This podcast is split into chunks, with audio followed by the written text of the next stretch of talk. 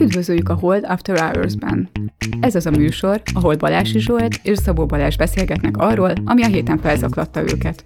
Tőzsdék, árfolyamok, gazdaság, politika és bulvár. Szabó Balázs és Balási Zsolt a Hold alapkezelő elemzői. Bármi, ami az adásban elhangzik, az az ő vagy vendégeik magánvéleménye, amely nem feltétlenül egyezik a Hold blog és a Hold alapkezelő hivatalos álláspontjával. A műsor szórakoztató célral készült, befektetési döntések alapjául nem kíván szolgálni. A Hold alapkezelő ügyfelei és alkalmazottai egyaránt rendelkezhetnek pozíciókkal az adásban tárgyalt pénzügyi eszközökben. Na hát üdvözlünk mindenkit! Sziasztok! Sziasztok!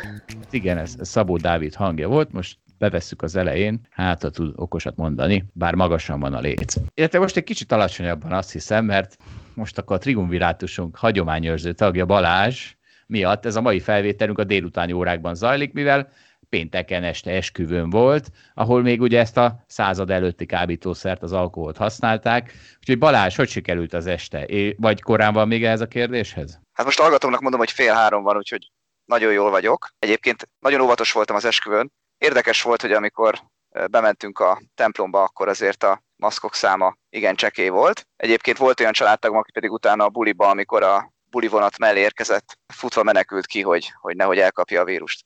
Úgyhogy egyébként én is valahol a kettő között voltam, hogy próbáltam részt venni a buliban, mint beszélgető, de azért másrészt nem mentem táncolni. Én, én találkoztam tegnap egy, egy masszőrrel, aki régebben nekem a masszőröm volt, és kérdeztem, hogy hogy megy a biznisz, és azt mondta, hogy tele van, és kicsit csodálkozik is, de hogy, de hogy nem nagyon látszik az, hogy itt bármifajta Covid para lenne. Nagyon jó. Most le kell szögeznem, bár azt nem értem, hogy miért kell leszögeznem. Tehát a hold alapkezelőben nem megy ez a felelőtlen mentalitás, amit itt én képviselek, egyáltalán nagyon távol áll tőle. Ez a konzervatív értelmiségi hozzáállás van, hogy maszk és nem tudom mi, és, és talán már a koszorúm is elkészült, annyira kilógok a mezőnyből, de... Zsolt, akkor én javaslom neked akkor, hogy sokkal több vidéki esküvőn vegyél részt, ott, ott szerintem az a kultúra, amit te terjesztesz, az ott, az ott megvan. Balázs, most, most viccelsz? Hát most viccelsz? Hát nem, nem az én buborékomat kell kiszúrni, hát ti vegyetek részt. És akkor mindjárt rájöttek, hogy hoppá, így is lehet élni. Hát látod, én részt vettem, látod. Nagyon jó, helyes, Balázs, nagyon helyes. Svéd útra léptél. Sőt, mivel Svédországban az 50 főnél nagyobb rendezvények be vannak tiltva, ezért azt hiszem ez már svédebb. A svédnél ez már a Lukasenkói út. Na de és ha már svéd út, hát akkor, akkor megérkeztünk a kedvenc témához, amiről most nem lesz szó, illetve kicsit lesz szó, hát majd mindjárt elmondom, hogy miről lesz szó. Ugyanis is, mert ugye néhány hete beszélgettünk arról Balázsjal, hogy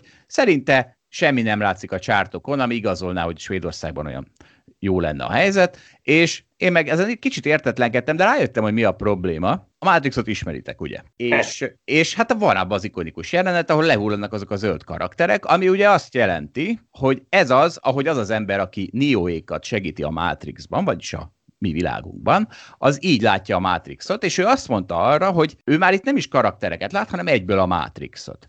Na és valami ilyesmi lehet a probléma, hogy amikor én ránézek a svéd és a többi csártra, akkor már én van a jelent látom, mert egyből a jövőt látom, és valószínűleg ez, ez, a, ez a képesség nincs meg benned Balázs, és ezért értetlenkedtél, de nem gond, mert most ezzel nem kell szerencsére vitatkoznunk. Ugyanis néhány hét vagy hónap múlva ugye ki fogja szúrni a szemünket a különbség. Hát vagy az, hogy Svédországban milyen víg az élet, hát vagy az, hogy milyen szomorú az élet, de mindenképpen ki fogja szúrni a szemünket valami. Úgyhogy most ne erről vitatkozunk, ezt majd egy-két hónap múlva eldöntjük. De azért... Egyetért. Nagyon jó. De azért hoztam valamit, ami ha a szemedet nem is szúrja ki, de hát a kalapodat azért leverhet. Nincs kalapom. Ez, ez azt jelenti, hogy fedetlen fővelülsz ott. Jól van, Balázs, ugye a szakmai alázat ezen teljes hiányával majd a hallgatók felé kell elszámolod, meg a lelkiismeretet felé. Én ugye fragban és cilinderben podcastelok, ahogy kell, de akkor, akkor nézzük, hogy mi az, ami leverheti a nem létező kalapodat is.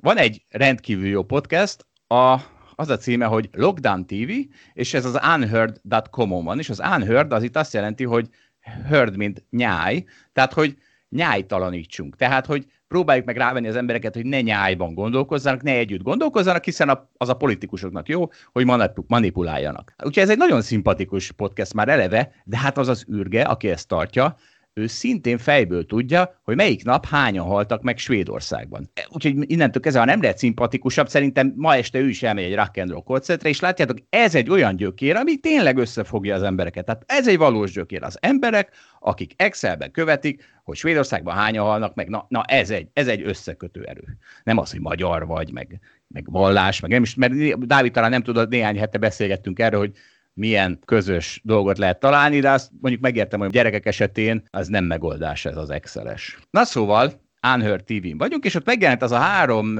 professzor, mit tudom én, Stanford, Cambridge, nem tudom, Oxford talán, akik mind a hárman virológiával foglalkoznak, és val előálltak valami manifestóval, biztos sokan találkoztatok vele, azzal a manifestóval, hogy igen, ez a, abban gondolkodás, hogy csak egy metrika van, a halálozás, meg a megbetegedés, az, az, az, annak mennyi hibája van, stb. Most erről ne beszélgessünk, erről már sokat beszélgettünk. Amivel viszont szintén előálltak az ottani svéd professzor, a tizedik percben, majd belinkeljük az alablogon, az a, arról szólt, és ezt elfogadom, mert nem jártam utána, de elfogadom neki, hogy létezik ilyen felmérés Spanyolországban és Svédországban, hogy Spanyolországban a munkaképes korosztály és a nyugdíjas korosztály, tehát akiket védeni kéne a vírustól, körében azonos arányban lehet kimutatni antitesteket. Magyarul egyáltalán nincsenek védve az öregek. Ezzel szemben Svédországban ott fele olyan arányban lehet ezt az öregek közt kimutatni, vagy az idősek közt, bocsánat, a nyugdíjasok közt. Ami ugye azt jelenti, mert az elején ők is nagyjából egy arányjal indultak, tehát azt jelenti, most már lényegesen alacsonyabb a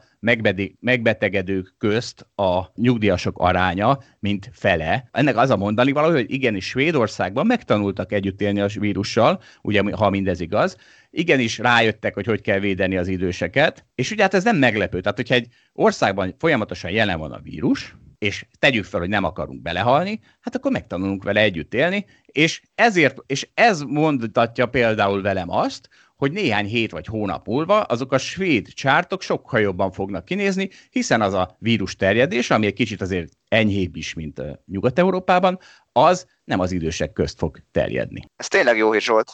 Tehát, hogy ez, ez abszolút azt mutatja, hogy a svédek lehet, hogy valamit jól csinálnak, és lehet, hogy ez majd látszani fog az adatokon. Én egyébként személyesen, attól függetlenül, hogy hány éves vagyok, azért aggódom amiatt, hogyha elkapom, két hét alatt lehet, hogy fel is gyógyulok, de hogy esetleg tényleg három hónapig fáradékonyabb leszek, nem tér vissza az ülésem meg a szaglásom, tehát azért a fiatalként is lehetnek problémák, még akkor is, hogyha az ember nem hal bele. Igen, meg szerintem az kellett ahhoz, hogy a svédek most jól csinálják, hogy az elején megszívják és sok öreg meghalt. Értem, hogy ez némileg ellentmond annak, amit te mondasz, hogy Spanyolországban ez most még most sincs így. Biztos a svédek fegyelmezettebbek, meg ügyesebben csinálják ezeket a dolgaikat. Igen, egy tanulási folyamat, az nehéz, mit tüskékkel van kikövezve. Ezt szépen mondtam? Szépen mondtad, igen, de azért azzal kapcsolatban nekem is vannak, nem tudom, aggodalmaink, hogy, aggodalmaim, hogy így mi lesz, ami lehet az egyébként, hogy nem lesz semmi, tehát hogy minden oké okay lesz egy hónap múlva, vagy két hónap múlva, meg ezek a járványok ezek kiszámíthatatlanok sok-sok szempontból. És simán lehet az, hogy majd így egyszer csak így eltűnik, és nem is igazán értjük az okát, hogy miért, vagy majd később erre lesznek valamifajta magyarázatok, és simán lehet az, hogy megtelnek a kórházak, és, és összeomlik az egészségügyi ellátórendszer, és van nagy baj követ. Tehát, hogy ez, így, ez is benne van a pakliba, meg az is, igazából nem tudja senki se, ezt most megmondani nem lehet, és akkor mindenki erre valamilyen módon reagál, ahogy kedvet tartja. Na, hát meglátjuk, és akkor rock and roll indikátor megint bejelzett, ugyanis képzeljétek el, ugye talán Dávid nem tudja, az, hogy járok rock and roll koncertekre, és, néz, és nézem, hogy ezek fogynak, meg fogy, fogy el rajtuk a nép, aztán most már ez a fogyás mondjuk úgy, hogy megállt, sőt, most képzeljétek el, elkezdtek visszatérni az immár sebezhetetlen második hullámos megbetegedők, elkezdett nőni a tömeg, úgyhogy Balázs, légy szíves, tett hozzá ez, hogy de csak pár hónapra immunisak. Hát csak pár hónapra immunisak. Jó, remélem föltartottad közben az újadat. Ugye erre az optimista válaszom az, hogy jó, de már a vírus is csak pár hónapig van. És, és amikor ezt kitaláltam ezt a mondatot, azután mit olvasok Monsieur Trumptól, hogy ez a hónap, már, ez a vírus, ez már csak pár hónapig lesz velünk, úgyhogy kicsit zavar, hogy ilyeneket továbbra is Trumptól hallok, meg gondolom Bolsonaro-tól, csak őt nem hallgatom, de hát az a baj, hogy háborúban nem válogathatsz a harcos társak közt. Egyébként nem tudjuk, hogy meddig van tartani. Igen, ez, ez nem igaz. Nem, nem tudjuk, igen. Az sem igaz, hogy a vírus az feltétlenül pár hónapig lesz velünk, tehát hogy igen, ez, ez egy ilyen talán valószínű forgatókönyv, de egyáltalán nem biztos. Gyerekek, semmi nem biztos. Most ezzel ne próbáljátok engem megizgatni, hogy semmi nem biztos. Mert sajnos az optimizmusom marad, és lehet, hogy az optimizmusom fog a sírba vinni, de mennyivel gondtalanabb élet után. És akkor, ha már itt tartunk meg a koszorúmnál, akkor légy szíves azt majd írjátok rá, és mondjuk ezt nem hiszem el, hogy fél éve itt svédezünk, és még nem sütöttük el ezt a következő szóvicet, amire gondolom már mindenki látja, hogy mi lesz. Szóval, ez legyen rávés, hogy itt fekszik Svédia föld Balási Zsoltot, és a másik nagyon fontos mondat, nem a koronavírus, hanem a karantén vitte sírba. Ezt a két mondatot rákövetelem. És rájöttem, ja, már, már jön, jön a vége.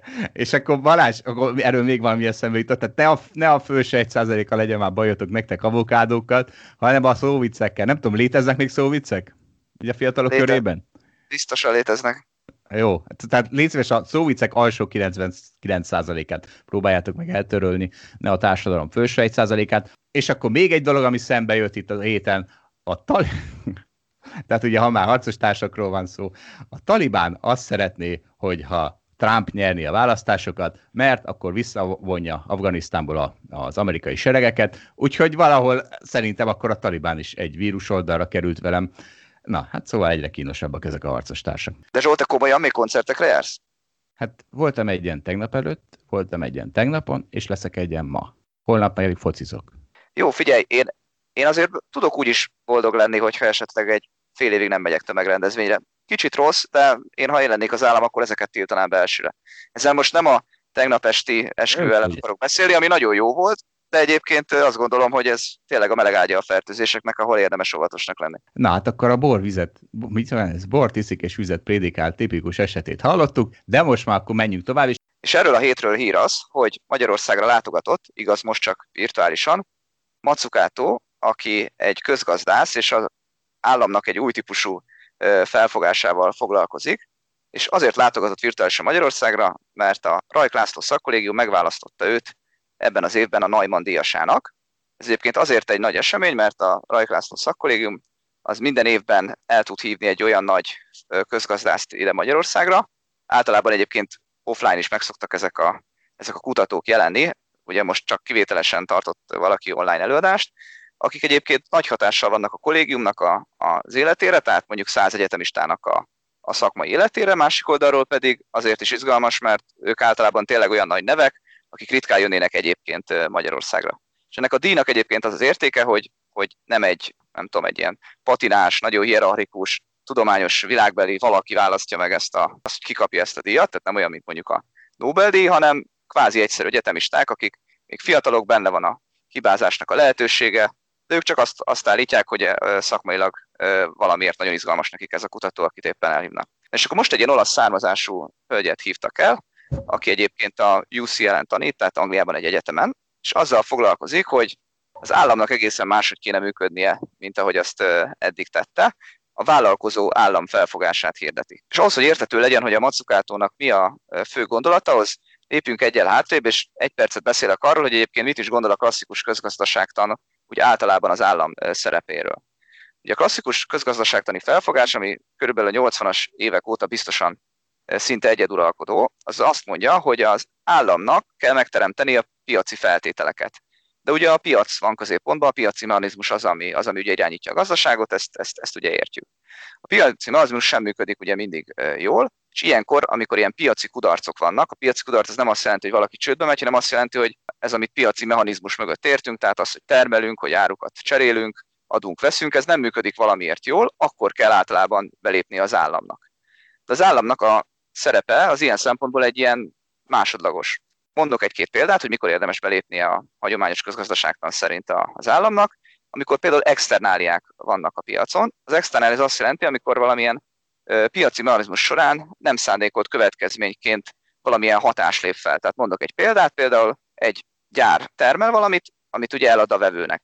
De közben, miközben a gyár termel, szennyezi a környezetet. Mondjuk azért, mert éget és széndiokszid keletkezik, ami, ami kimegy a levegőbe. Tehát történik egy, egy termelés, történik, van egy fogyasztó, de közben, miközben ez megtörténik ez a csere, közben sajnos szennyezzük a környezetünket. De ilyen mondjuk, amikor nem tudom, a Coca-Cola legyártja a műanyag palackos kóláját, ezt ugye valaki megveszi, és akkor Coca-Cola is jól jár, meg az is, aki, aki vett, vett, vette a kólát, az megissza a kólát, de senki nem törődik azzal, hogy mi lesz ezzel a, ezzel a műanyag palackkal, ami esetleg utána szennyezi a környezetet. És akkor ilyenkor feladata az államnak, hogy valamilyen akár szabályozással vagy adóztatással úgynevezett internalizálja ezeket az externaliákat. Tehát mondjuk konkrét esetben mondjuk kivethet annyi adót, ami, amiből esetleg meg tudja tisztítani a környezetet, amit a kínálati meg a kereseti oldal valahogy közösen okozott, de egy, ők egyébként az árba ezt nem építették be. De ilyen piaci kudarc egyébként a, a közjószágoknak az esete. Közjószág az olyan termék vagy olyan jószág, aminek fogyasztásából nem zárható ki senki. Tehát mondok egy példát, mondjuk az útépítés egy ilyen példa, hogy senkinek nem érné meg utat építeni, ha utána nem tudja kizárni a fogyasztókat, tehát kvázi mondjuk nem tudja begyűjteni érte a, a pénzt.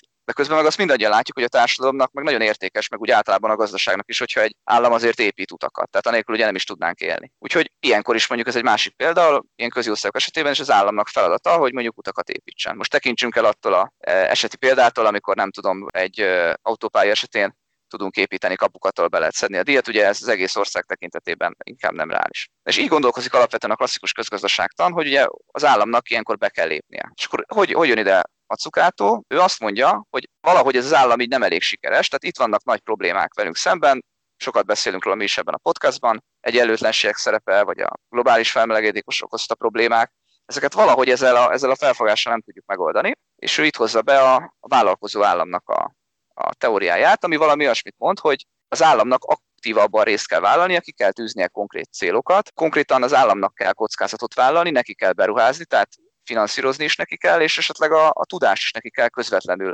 fejleszteni. Az adófizetőnek, jó? Tehát néha azért tegyük ezt hozzá, hogy nem az államnak, az adófizetőnek. Így van. De hogy nem a piaci mechanizmuson keresztül oldjuk meg akkor ezt a dolgot, hanem, hanem egy ilyen állami szerepválláson keresztül. Egyébként ő nem mondja azt, hogy a, magánszférának nem szükséges beruházni az innovációba, tehát ne, egyáltalán nem erről van szó, nem ennyire drasztikus. De olyan szempontból azért drasztikus, hogy azt mondja, hogy az államnak van egy ilyen kiemelt szerepe, és neki ki kell tűzni a konkrét célokat, amik nyilvánvalóan, mit tudom iparágakról van szó. Tehát mondjuk azt mondja, hogy nem tudom, ha Dánia mondjuk nagyon jó abban, hogy zöld technológiában fejleszten, akkor a Dán kormánynak olyan környezetet kell teremtenie, meg be is kell szállnia konkrétan minden oldalon, hogy ez, ez megtörténjen. Tehát gondolom ő foglalkoztasson kutatót, ő finanszírozzon, stb. stb. Tehát ne, ne csak távolról teremtse meg a feltételeket, aztán majd a piac valahogy megoldja, mert hát látjuk, hogy nem oldja meg, hanem, hanem az államnak bizony be kell lépnie. Na, hát, hogy én, ezek ilyen érdekesek, meg én nem ismerem e, az illető közgazdásznak a munkásságát alapvetően, de hogy nekem azért az mindig gyanús, amikor hogy az államnak valamit kéne csinálnia, mert hogy hát persze, de egy csomó mindent kéne csinálnia neki, meg így tök jó lenne, ha csinálna, csak milyen ösztönzővel teremtjük azt meg, hogy az állam ezt tényleg csinálja, vagy, vagy hogyha vagy ezt valaki csinálja egy állam élén, akkor őt megválasztják-e újra, hogyha abba gondolkodunk, hogy a, a kormányzatokat négy évente megválaszt. És hogy ezért én némileg szkeptikus vagyok az ilyen elméletekkel szemben, mert hogy tök szép, persze ez így jó lenne, csak nem tudom, hogy ez így hogyan tud megvalósulni. Ja, az viszont kétségtelen, hogy vannak olyan globális problémák, amiket, hát te is említettél ilyen példákat, hogy útépítés, meg nem tudom, tehát hogy van globális felmelegedés, és akkor ez problémákkal jár, meg ettől függetlenül is van, meg lesz migráció, és akkor az is problémákat hoz a felszínre, és akkor azt valamilyen módon meg kéne oldani, és lehet, hogy valami ilyesmi dolgokra próbál megoldást találni ez a hölgy. Hadd idézek ebből a cikkből, ami hát leveri a én kalapomat, az biztos. Gyönyörű mondatok vannak, közösség és a magánszaktor egymás segít a küzdjenek meg a jövő kihívásaival, ehhez célorientált vállalkozói, befektetői, kockázatvállaló államra van szükség, amely képes felszínre hozni azt a gazdasági rendszerben rejlő töbletet, ami a beavatkozás nélkül nem realizálódott volna. Így az állam partnere lehetne a vállalati szektornak. Na most ez gyönyörűen hangzik, érted? Tehát amit Marx mondott, az is gyönyörűen hangzott. Ezek mind gyönyörűen hangzanak, csak az történik, ugye itt Magyarországról nézve, hogy mi történik, hogy itt nem az történik, hogy a állam és, és magánbefektető van meghúzva, hanem hirtelen onnantól kezdve, hogy elkezd az állam szerepe nőni, a magánbefektetők közt is meg lesznek húzva ezek a határok. El van maszkírozva magyar a külföldi ellen, mondjuk, ugye amikor úgy megyek, hogy a multikat, valójában azért az elég nyilvánvalóan látszik, hogy itt nem magyar és külföldi határvonal van, hanem barát és nem barát határvonal. Tehát igazából nem a magánszektort segítjük, hanem a baráti magánszektort, csak nagyon sze- nagy szerencsénkre a barátaink közt túlnyomó többségben magyarok vannak, és ezért ezért el lehet maszkírozni ezzel a magyar versus külföldi narratívával. És akkor, ahogy én ezt így nézem, akkor rájövök, hogy hát igazából nem is az a baj, hogy nem magyarok azok a multik, hanem hogy nem én, ugye? Mert hogy az állam például Magyarországon, de ez az első Államokban is így van, az hirtelen az a bajom, hogy nem engem hanem a, a, az ő haverját fogja segíteni. És egyébként, amivel viszont teljesen egyet tudok érteni, és talán lenne szerep, e, tehát az állam nagyobb szerepének, az az a, amit short-termismnek nevezett, a, nem tudom ki a szerző, tehát hogy az, hogy a piac az rövid távra fókuszál. És ugye, hogyha az állam belép, akkor majd ő 30 éves ciklusokban gondolkodik. Csak hát gondolkodik a fenéket. Hát ugye pont most volt itt Horn Dani, aki között, hogy hát még az oktatást azért nem reformálják meg rendesen államok, jellemzően, mert az 20-30 éves távon hat. És akkor az, az, ne, az semmit nem segít neki a következő ciklusokban, a következő választásokon.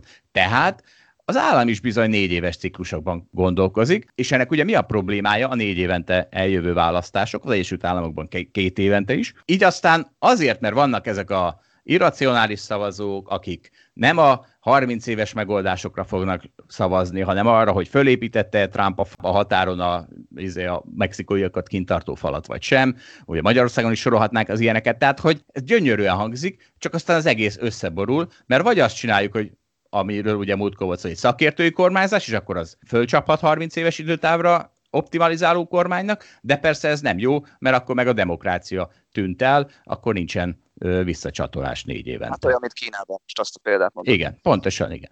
Tehát... Hát, egyébként abba, az így szerintem világos, hogy amit így olvashattunk ebbe a cikkbe, az, egy, az nem az valószínűleg, amit ez a közgazdász hölgy mond, vagy nem, nem pontosan, én azt sejtem egyrészt, másrészt meg elképzelhető ne Bocs, ezt a cikket a Kalotai Bálint Dániel, aki a szakkollégium egyik tagja írta az előadás alapján. Aha, oké, okay. viszont elképzelni sem tudom, hogy ő pontosan mit mond ez a hölgy. Mármint értem, hogy ezek az állításai így, így hangzanak, de hogyha ebbe egy kicsit mélyebben megkapargatjuk, mert értem, ezek, hát ezek tök irreális dolgok, ez, ez így hogy tud megvalósulni, arra nincs tippünk se, és igazából ez lenne a lényeg.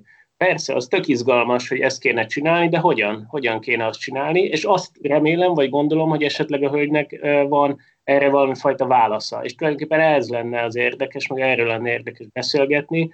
Nem tudom, Balázs, erről tudsz -e valamit mondani? Vagy akár arról, hogy, hogy, tehát, hogy tényleg ezek a, a, a rajkos hallgatók, ők, tehát ők mi alapján választanak, hogy így elolvasnak ilyen cikkeket, amik... Várj, erre hadd válaszoljak. Erre hadd válaszoljak én, bár fogalmam sincs, de megmondom, mi történt. Ez a, ez a macukátó, ez a jelenleg rettenetesen divatos demokrata párt pro, ö, programját sorolta föl, úgyhogy a demokrata pártra szimpatizáló Rajklászló kollégium tagjai le, letették rá a voksukat. Tehát nézd meg, ugye ennek a macukátónak a, ez a, amit most megismertünk belőle, ez egy az egyben lehetne Elizabeth Warrennek, vagy Bernie Sandersnek a programja.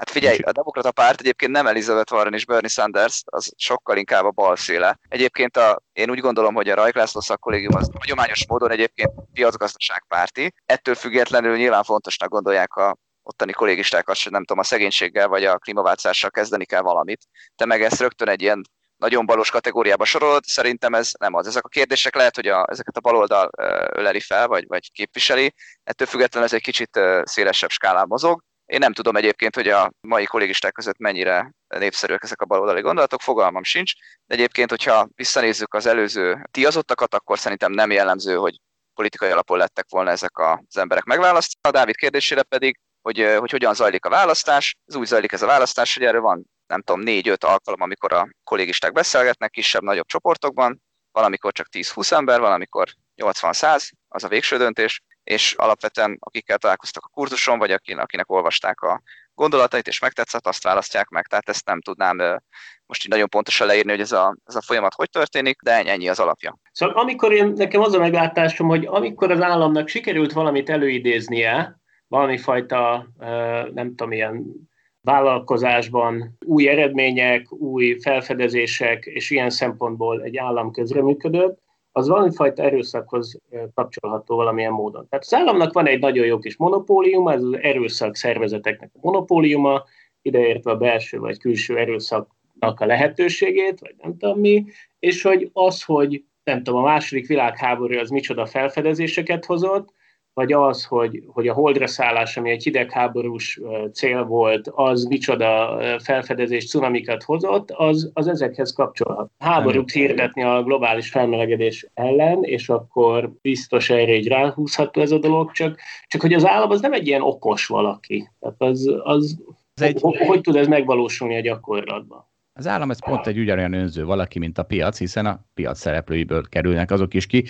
Egyébként... Bocs, tehát hagyd szúrjam be, hogy egyrészt egyetértek minden kritikával, amit elmondtok, azzal is, hogy az állam az mennyire tudja ezeket valószínűleg megvalósítani ezeket a célokat. Másrészt én meghallgattam az előadást, és szerintem, bár nem vagyok ennek a kutatónak akkor a szakértője, hogy most le, le tudnám írni minden dimenzióját a kérdésnek, de nekem is hiányosságnak tűnik az, hogy a hogyanra mekkor, milyen választ ad, de, de fogadjuk el, lehet, hogy egyébként jobb válaszokat ad, hogyha ismernénk minden részletet pontosan. Másrészt azt meg vegyétek figyelembe, hogy a kritika szerintem jogos, tehát tényleg vannak olyan kérdések, amik úgy látszik, hogy globálisan kellene megoldani, lásd a klímaváltozásnak problémája, és erre, erre nem találjuk a megoldást, úgyhogy ezen ötletelni érdemes, és szerintem új megközelítéseket mindenképpen érdemes bedobálni. Igen, ezzel egyetértek. Csak ezek nem új megoldások. És érted, tehát neked is benned is hiányérzet van, és egyébként erről beszéltünk korábban, hogy és talán Dávid tud erre valami magyarázatot adni, tehát hogy mitől lesz propaganda valami, mert ugye Balázs azt mondta, hogy miért lenne az propaganda, hogy valaki társ, nagy társadalmi kérdésekkel foglalkozik. És akkor én mond, itt, tessék, itt van a példa. Attól lesz propaganda, hogy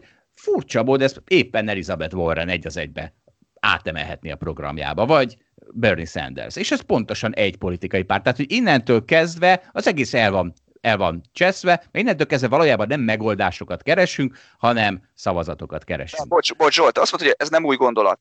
Én ezt most nem tudom neked megindokolni, hogy a 19. században erről nem beszélte senki. De azt gondolom, hogy mondjuk amikor fejlesztő áramról beszéltek, vagy arról, hogy meg kell védeni egy ország iparát, vagy arról, hogy a nem tudom melyik piacon hogy kell beavatkozni az államnak, az szerintem különbözik attól, mint itt a vállalkozó állam fogalma, és itt konkrétan ugye az innovációról van szó, arról szól ez a megközelítés. Tehát, Tehát én nem azt állítom, hogy ez a világ legújabb gondolata, mert nem tudom, de azért különbözik attól, ahogyan mások beszélnek arról, hogy milyen állambeavatkozást kell csinálni, vagy inkább azt mondom, hogy ennek nagyon sokféle formája van, ez az egyik formája.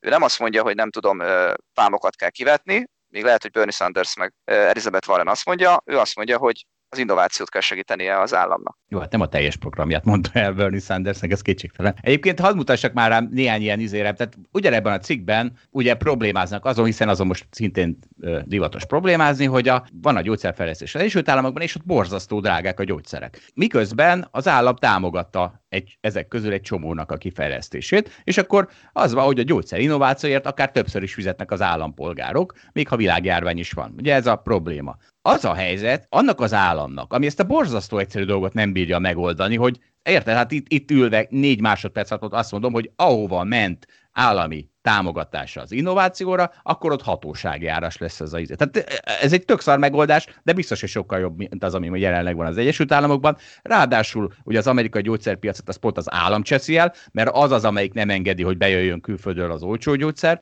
ami esetben azonnal lemenne az amerikai gyógyszerár is. Tehát ő az, az állam az, ami megakadályozza a haveri kapitalizmus miatt, mert azért jó eséllyel ez ugye a gyógyszergyártó lobby eredménye, hogy valamiért az Egyesült Államokban tízszer annyiba vagy százszor annyiba kerülhet egy gyógyszer, mint Európában. Tehát az összes problémának nem a piac az oka, hanem az állam. És akkor azt mondjátok, hogy a megoldás az, hogy ennek a dilettáns államnak, vagy ennek az önző államnak adjunk még több hatalmat. De figyelj már, tehát azért a gyógyszernél az szerintem elég egyértelmű, hogyha nem adsz szabadalmat, akkor egyszerűen lehet, hogy nem lesz annyi gyógyszerfejlesztés, mert, mert ugye nem éri meg annyira gyógyszert fejleszteni, mert nem kapsz érte annyi pénzt. Az világos, hogy ennek megvan az előnye is, csak azt mondom, hogy mert de hát ez a cikk, vagy ez a macukátó egyik nagy problémája például a gyógyszerpiac, és azt mondja, hogy generálódott egy óriási probléma. Na de akkor az államnak volna központjában ennek a generált problémának, és nem a piac. Na jó, csak ugye az a kérdés, hogy az államot hogyan támogat, mert ugye most van egy olyan szabályozás Amerikában, hogy ha sikerül valami nagyon innovatívat feltalálnod, akkor degeszre keresheted magad, és, és ezért végtelen pénzed lesz. És ugye lehet mondani, hogy ez is igazságtalan, mert miért kapsz végtelen pénzt az innovációra.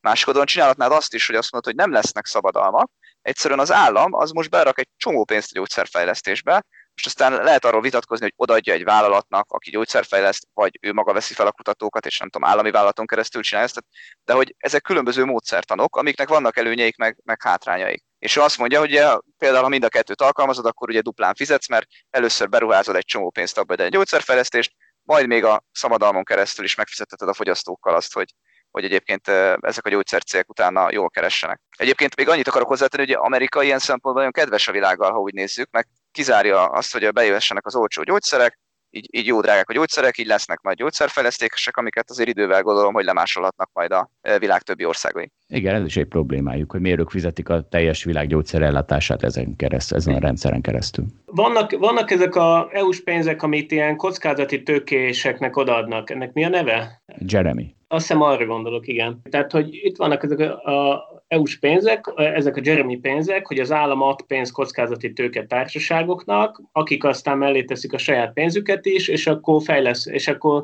tegyék bele mindenféle innovatív társaságokba ezt a lóvét, és ilyen módon fejlődjenek, i- ilyen módon az innovációt elősegít. És hogy ezeknek a felhasználása nem tűnik olyan nagyon hatékonynak. Tehát, hogy itt az állam igenis fellép egy olyan szereplőként, aki az innovációt segíti, és van egy rengeteg lóvéja, és azt, és azt valamilyen módon kiosztja innovatívnak szánt gazdasági szereplők között, ugye egy közbeiktatva egy, egy kvázi egy profi befektetők, akinek ez a szakterület, hogy kiválassza ezeket a gazdasági társaságokat, vagy ezeket az ötleteket, és hogy ez nem tűnik túl hatékonynak egyszerűen ezeknek a pénzeknek a felhasználása. Tehát, hogy ez is kicsit azt támasztja alá, amit a Zsolt mond, hogy hát itt bizony ez a pénz, ez nem biztos, hogy a megfelelő szereplőhöz jut el, igazából marha nehéz jó projektet is találni, igazából itt felülről meg van határozva egy összeg, de nem biztos, hogy arra van szükség. Szóval hogy rengeteg probléma van ez, ezzel is. És engem ez a hogyan kérdés nagyon foglalkoztatna. Itt egy ilyen mód, tessék, itt,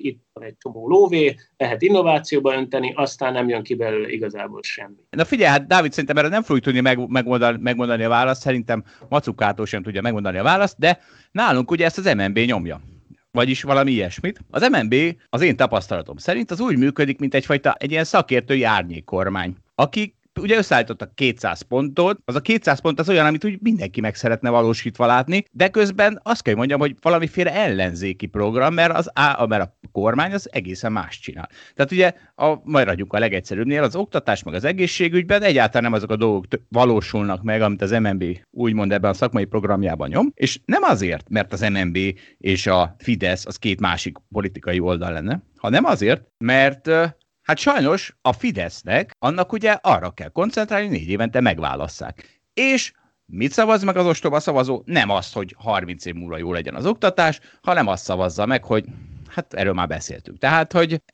eh, ezért sem lesz erre szerintem válasz. És figyeljetek az, hogy mennyire nem működik ez a TIA. Most nem tudom ki, ti, de Dávid is velem van, Balázs is velem van, Macukától és a rajkosoknak üzenem, hogy mennyire nem működik ez a ti államotok, ezt ugye nem is tudom, hogy ezt hol olvastam, mert ugye ilyenkor a, oda szoktunk jutni Balázsra, hogy igazából mindenki, aki államot szeretne, az azt szeretné, hogy valami olyasmi legyen ez, mint a norvég állam. Tehát nem olyan, mint az amerikai állam, pláne nem olyan, mint a magyar állam, hanem valamiféle norvég állam. De hát ugye, és azt nem tudom, hogy ez vagy az, az irracionális szavazóban, vagy a Why Nations Fail című könyvben olvastam, de ugye Mexikó és az Egyesült Államok közt azért van óriási különbség, mert a mexikóiak egyszerűen nem engedik beszivárogni azt a intézmény és politikai és liberális rendszert, ami az Egyesült Államokat olyan sikeresé tette, mert azt mondják, hogy nem, oda az mi hozzánk ne jöjjön. Most ez, ez, miért buknak el a nemzetekből olvastad? Miközben ugye a mexikóiak meg mennek át fűnyírónak ebbe a rohadt sikeres rendszerbe, mert még úgy is jobban élnek, mint az ő ramaty rendszerükben. És hát ezt látom most is, tehát például a Norvégia, aki ugye nem csinál, aki ugye például szeretne valami pénzt adni az Magyarországnak. Magyarország azt mondja, hogy nem kérjük azt a pénzt, ugye arról van szó, hogy valamiféle elvárásokat kötnek most hozzá, mint ahogy az EU is szeretné Magyarországra valamiféle elvárásokat. Magyarul egy kicsit Norvégia azt szeretné, hogy a norvég állam szelleme átszivárogjon Magyarországra. A magyar kormány ezt nagyon nem szeretné, és a magyar szavazó sem ezek szerint nem szeretné.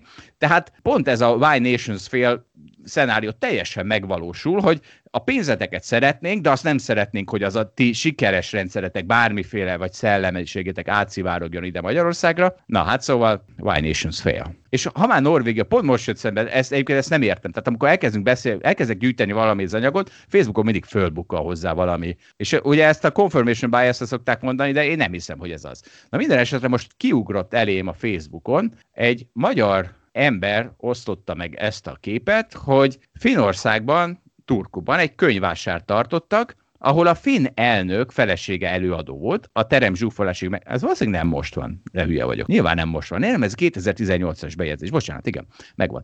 2018-ban történt, ahova beült a finn elnök, mert a felesége előadó volt, de mivel nem volt hely, ezért a lépcsőre ült. És akkor ugye értetlenkedik ez a magyar ember, hogy hát ilyen biztos nincs, biztos ez, ez egy PR fogás, hogy, hogy eljátszák ezt, és azért, mert a magyar viszonyokból indul ki nyilvánvalóan. De és van egy nagyon érdekes sztori, amit sose hittem el, de így ezzel a sztorival összerakva már, már inkább elhiszem, és ez a Norvég királyról szól. Szerintem ti nem is tudjátok, hogy Norvégia királyság? Tudtátok, hogy Norvégia királyság? Tudtam, de fogalmam sincs, hogy ki lehet a király. Abszolút, igen. Abszolút, abszolút mindenki tudja. És akkor az királyság is Norvégia, vagy csak van királyuk? Ezt viszont nem tudtam eldönteni. Van királyuk. Ja, nem? Ona, tehát... Én nem hát, tudom. Ugyanaz. Mind a kettő, igen. Majd hívunk egy szakértőt. Hát...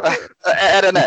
Jó, Jó. mi van a Norvég királya? Nem, akkor, nem akkor kérjük a monarchia szakértőket, ne jöjjenek, megoldjuk a kérdést magunktól. De az van a Norvég királlyal, ez egy sztori, amit egy ismerősöm mesélt az ismerőséről. Hát nem biztos, hogy igaz, de ezzel a finn sztorival egy összerakva már egyre igazabbnak látszik. Szóval az úgy szól a sztori, hogy az ismerősnek, egy magyar ismerőse kim van Norvégiában, a ő norvég házigazdájával is. Ketten állnak sorban egy foci meccsre, hogy egyet vegyenek. És egyszer csak azt mondja a norvég házigazda, hogy nézd csak, ott áll elől a sorban a norvég király. Erre a magyar ismerős döbbenten kérdez, hogy miért áll a norvég király sorban.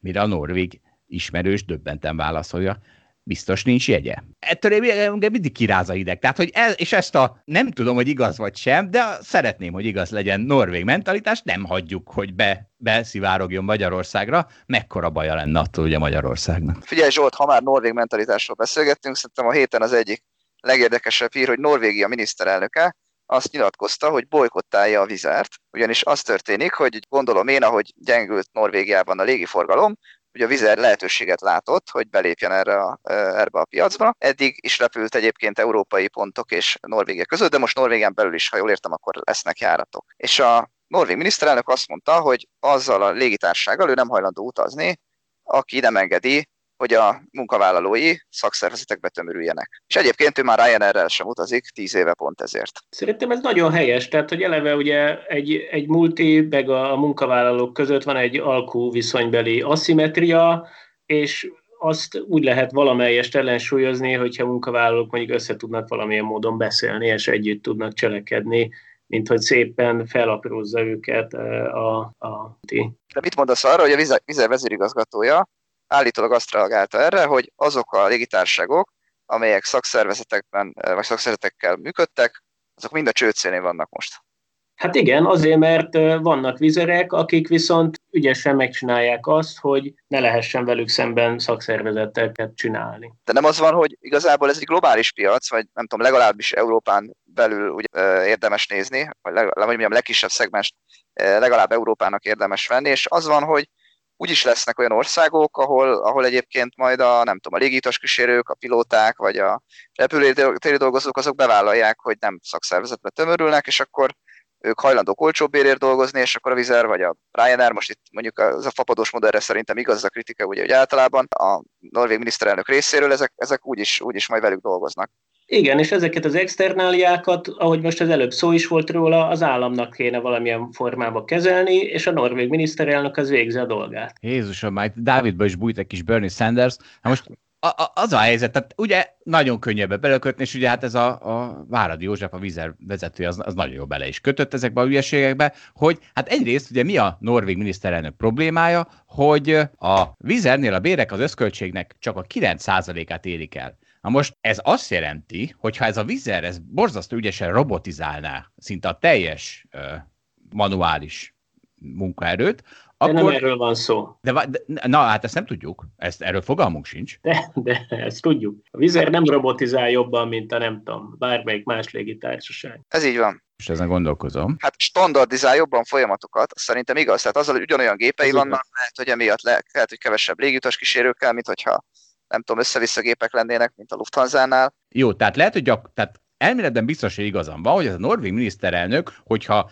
azért, mert ő csupa robot dolgozik, ezért csak az egy százaléka lenne az összköltségnek a, a személyi bérköltség, akkor teljesen ki lenne bukva. De hát fogalmas is, egészen biztos vagyok benne, hogy nem vizsgálta meg, hiszen az összköltséget vizsgálta meg, nem az egyfőre jutott, de egyébként erre is van válasz a cikkben, ugyanis Váradi azt mondta, hogy miről beszél ez a miniszterelnök, megkapják a piaci bért. Azt a bért, amit a Lufthansa-nál is megkapnak, meg a többinél is meghalnak. Tehát nem az történik, hogy a, szerintem, hogy a Vizer pilóta az fel annyit keres, mint a Lufthansa pilóta, hanem a, piaci bér, a piaci bér az az határozza meg, hogy tehát az egy alkú folyamat, és hogyha a piaci bért egy kevés erős szereplő van az egyik oldalon, és sok elaprózott gyenge szereplő van a másik oldalon, akkor ez a piaci bér, ez inkább annak lesz kedvező, akik, akik a kevés erős szereplő ezen a csak itt nem ez a helyzet, Dávid. Itt az a helyzet, egy, hogy az a, a helyzet. Nem, nem, itt az a helyzet, hogy a légitársaság nagy része szakszervezet van, a légitársaságot megfojtó bérekkel, és, és, és érted, ez a pilóta oda is mehetne dolgozni. Tehát érted, tehát nem az történik, hogy a vizer tarolja le az egészet, mert a vizer az nem tudom, mekkora annak a repülési szegmensnek, mondj egy számot. Hát most, most, most kicsi, nagyon kicsi. Tehát, hogyha egész hát. Európát nézed, akkor a vizer elhanyagolható abból a szempontból, hogy milyen piacére van. Hogyha azt nézed, hogy nem tudom, Budapestről vesz föl pilótát, akkor már lehet, hogy nagy. Ugye attól azt kell nézni, hogy mennyire globális ez a, dolog, vagy, vagy hogy mondjam, Európán belül mennyire lehet mozogni. Én azt gondolom, hogy egy légutas kísérő vagy egy pilóta azért relatíve könnyen mozog. Tehát hát éppen igen. ezért egyébként szakszervezetekkel szemben is ezért gondolom, hogy jobban fel lehet lépni. Tehát egy olyan helyen, mondjuk most mondok egy példát, hogyha lenne egy olyan bánya, ahol ami egy helyen van, nem tudom, gyémánt bánya lenne Európában egy helyen, és az ottani, oda nagyon erős szakképzett dolgozók kellenek, és abból van 500 összesen, na, akkor ők tudnak szakszervezetbe tömörülni, mert, mert tudnak könnyen érdeket érvényesíteni, mert tudnak egymással kommunikálni, jól meg tudnak szerveződni, és nem lehet gyorsan odafutni az ország másik pontjára, hogy el, itt akkor ezt a bányát ne, nem érdekel engem, mert itt szakszervezet van, és drágák, átmegyek egy másikhoz. Ugye ezt nem tudnák akkor megcsinálni. Én azt gondolom, hogy ez nem egy ilyen piac, főleg most ugye könnyebb munkaerőt találni ezekben az időkben, úgyhogy Úgyhogy valószínűleg most nagyon jó, jó a légitársaságoknak ebből a szempontból, nagyon nagy az alperejük. Csak ez nem ezekről az időkről szól, ez az elmúlt évekről szól, tehát ez nem, ez nem a koronavírus időkről szól, ez két, két éve is igaz így, volt. Van, de ez volt egyébként, csak mondom, tehát én azt gondolom, nem, nem ismerek számokat, én azt gondolom, hogy azért a Lufthansa pilótai többet keresnek, mint a Vizer pilótai, és ez nem csak abból fakad, hogy nem tudom, az egyik az kelet-közép-európai fókusszal van, a másik meg Németország fókusszal, hanem azért egyszerűen, mert tényleg ott a szakszervezetek valószínűleg jobb éreket tudnak kitárgyalni. Egyébként én azt gondolom, hogy szerintem itt a probléma az azzal lehet, hogy amikor ezek szakszervezetek tárgyalnak, akkor, akkor ők egy csomó más feltételt is megpróbálnak megszabni, és itt most nem elsősorban a pilótákra gondolok, hanem hogy itt vannak a légiutas kísérőnek szakszervezete, meg szerintem ott, és ott a legproblémásabb a, a repülőtereknek a, a dolgozóinak a szakszervezete volt, ha jól emlékszem, tehát hogy ott, ott valószínűleg Európa legdrágább lőterei lehetnek valószínűleg a, a frankfurti, meg a, meg a müncheni, lehet, hogy éppen ebből kifolyólag. És, és én azt gondolom, hogy tehát a hatékonyságot ezek, ezek nyilván csökkentik. E, alapvetően az a baj, hogyha bármelyik oldalnak, ez igaz az állam versus piac esetén is, de itt is a munkaadó versus munkavállaló, hogyha bármelyik túlhatalomba kerül, hiszen látunk egy csomó olyan céget, ami tényleg a munkavállalók szakszervezetei visz csődbe, ugye ilyen a Ford meg a GM, ahol olyan nyugdíjtartozások halmozottak föl, és akkor azt mondja a jelenlegi meg a múlt munkás, hogy nekem szerződésem, hogy megkapjam azt a nyugdíjjárulékat, csak közben a nyugdíjpénztár nem tudja kitermelni, mert eltűntek a hozamok.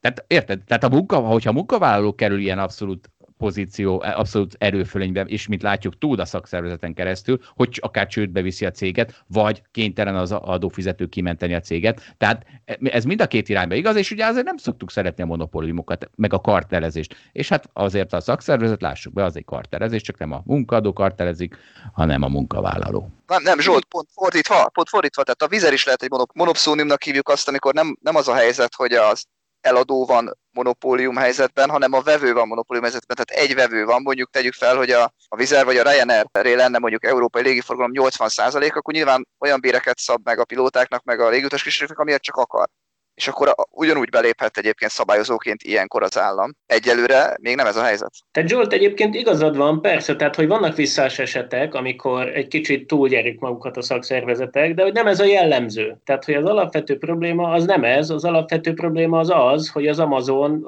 az robotokat tud alkalmazni, de hogy kb. ilyen humán robotokat, és aki nem tud ilyen humán robot lenni, amire persze lehet azt mondani, hogy de hát basszus, hát neki nincs meg ez a skillje, hát akkor ő, ő nem jó munka vállaló, és a, az Amazon az teljesen jogosan rúgja ki. Valószínűleg ott az elég durvák a feltételek, és én azért azt sejtem, hogy, hogy jogos az, hogy a, a, az Amazon dolgozói az valamifajta szakszervezetbe tömörüljenek, és kiálljanak az érdekeikért. Ami nem tud nagyon megvalósulni, mert erőfölényben van ez a cég a munkavállalóival szemben. És ezért tud nagyon hatékony lenni. És ez a részvényeseknek jó, de hogy ez kicsit talán már túl jó, és ez a tipikus. Na hát, és akkor hozok nektek egy könnyedén nevezhető példát arról, hogy a piac milyen jól dolgozik, ugye a piac megoldja rovatunk, az történt, hogy megvannak a járvány igazi áldozatai, ugye a londoni bankok bankárai, azok most home office csak a mediterrán villáikból. De ennek van valamilyen adóvonzata, hogyha túl sokat tartózkodik külföldön a, a munkavállaló, akkor írtelen egy nagyobb adó járulékkal jár az ő bére. Úgyhogy elkezdtek aggódni a bankok, és mondják a bankáreknek, hogy jöjjenek vissza a, az Egyesült Királyságba dolgozni. De igazából, és akkor most jön a, a piac, a megfelelő ösztönzők, tehát hogy semmi más nem kell, csak megfelelő ösztönzők, nem, nem kell kitalálni dolgokat. Azt mondta ez a főbankár, hogy Hát én csak annyit közlök a beosztottaimmal, hogy a kintartózkodásuk adózási követelményeit nekik maguknak kell fizetniük. Ennyit általában bőven elég, nincs szükség a parancsolgatásra, mondta a lapnak a bankár, ezt a 444.hu-n olvastam. Na, hát gyerekek, így működik egy probléma megoldás. Szerintem az egyik baj, ami most a, a világban van, tehát, hogy sok bajnak az a gyökere, ugye, hogy vannak ilyen olyan problémák, amik már nemzeti szinten nem megoldhatóak, és az, hogy a világ globalizálódik, és az emberek jönnek, mennek, és mindenhol vannak, és egyébként mindenhonnan tudnak dolgozni, eh, és nem feltétlenül abból az országból, ahol, amelyik vállalatnak dolgoznak, tehát, hogy az adórendszerek is nemzetiek, és ez így elég béna, és persze vannak mindenféle adó, tehát ilyen kettős adóztatás elkerülő egyezmények, de azok meg általában egy bonyolultak, meg sok adminisztrációt igényelnek, és hogy ez az adózás, ez is egy ilyen kérdés, amit valamilyen módon nemzetközileg lenne érdemes kezelni. Jó, de ezeken nem segítenek a nagyobb államvizék, mert egy globális állam kell. Hát valamifajta közös megállapodás kell, persze. Nekem erről a cikkről egyébként teljesen másra eszembe az, hogy ugye, hogyha az ember ezt meghallja, hogy a londoni bankárok egyébként a e, Kanári-szigetekről dolgoznak, akkor mindenki nagyon irigy lesz, hogy hát fú, tényleg mekkora, mekkora jó nekik, és hogy mennyire lennék helyükbe. Másik oldalról itt az emberek a saját sírjukat ássák, mert egyszerűen, ha ez elterjed, és ezt meg lehet csinálni, akkor előbb-utóbb majd a londoni bank az nem feltétlenül őket fogja foglalkoztatni, hanem megkeresi a még olcsóbb munkaerőt. Tehát kvázi ugyanúgy, hogy a informatikust is lehet találni Indiában, valószínűleg jóval kevesebb pénzét, mint hogyha a fejlett világban foglalkoztatnál, a londoni bankár is egyszerűen kiszervezhető lesz. Na, szegény londoni bankárokra durván rájár a rúd. Hát és akkor figyelj, Dávid, és ezért kerestünk meg téged, jöjjenek a, tőzs, a bitcoin híreink. Hát tényleg csak ezért kerestetek meg? Szomorú vagyok. Nem, nem, minden másra is. A rajongóit beköveteltek, de, de ezt a, tehát nem tesz jót az imásunknak, hogy téged követelnek a rajongók, ezért ezt a bitcoinra fogjuk. Na, így kell ezt szépen mondani. Dávid, a következő címet olvastam a Portfolio.hu-n. Egyre több tőzsdei cég zsákolja a bitcoint, itt az ideje végre komolyan venni a digitális aranyat. Parancsolj! Tehát a sztori az az, hogy van a Square nevű tőzsdei cég, és az most vett, mit tudom én, majdnem 5000 bitcoint. Ez egy ilyen fintech cég, a Jack Dorsey, a Twitteres CEO az ennek is a vezetője, és, és azt mondta, hogy hát az eszközeinek az egy százalékát azt, azt bitcoinra költ, és ez, ez közel 5000 bitcoin, amit vett, és ő ebbe hisz, és azt gondolja, hogy ez hosszú távon érdemes tartani, és ezt most ők tartják. Tehát ez a hír. De igazából ezt fel lehetett volna a norvég oldalról vezetni, hogy lám, ugye a norvég nyugdíj alap, ami tart rengeteg részvényt a, a világ összes tőzsdéjéről, most már a norvég nyugdíjalapban is van ilyen közvetett módon bitcoin, kvázi az összes norvég embernek is van bitcoin. Jó, de Dávid, ezt a mátrixot ezt csak te látod át közülünk, úgyhogy na látod meg, vagy miért hívtunk ide. Igen, igen. És bocs, csak annyit tennék hozzá, hogy igazából amit ez a cég csinál, az egy olyan fajta stratégia, amit sok olyan embernek érdemes folytatni, ez most nem befektetési tanács, de mondjuk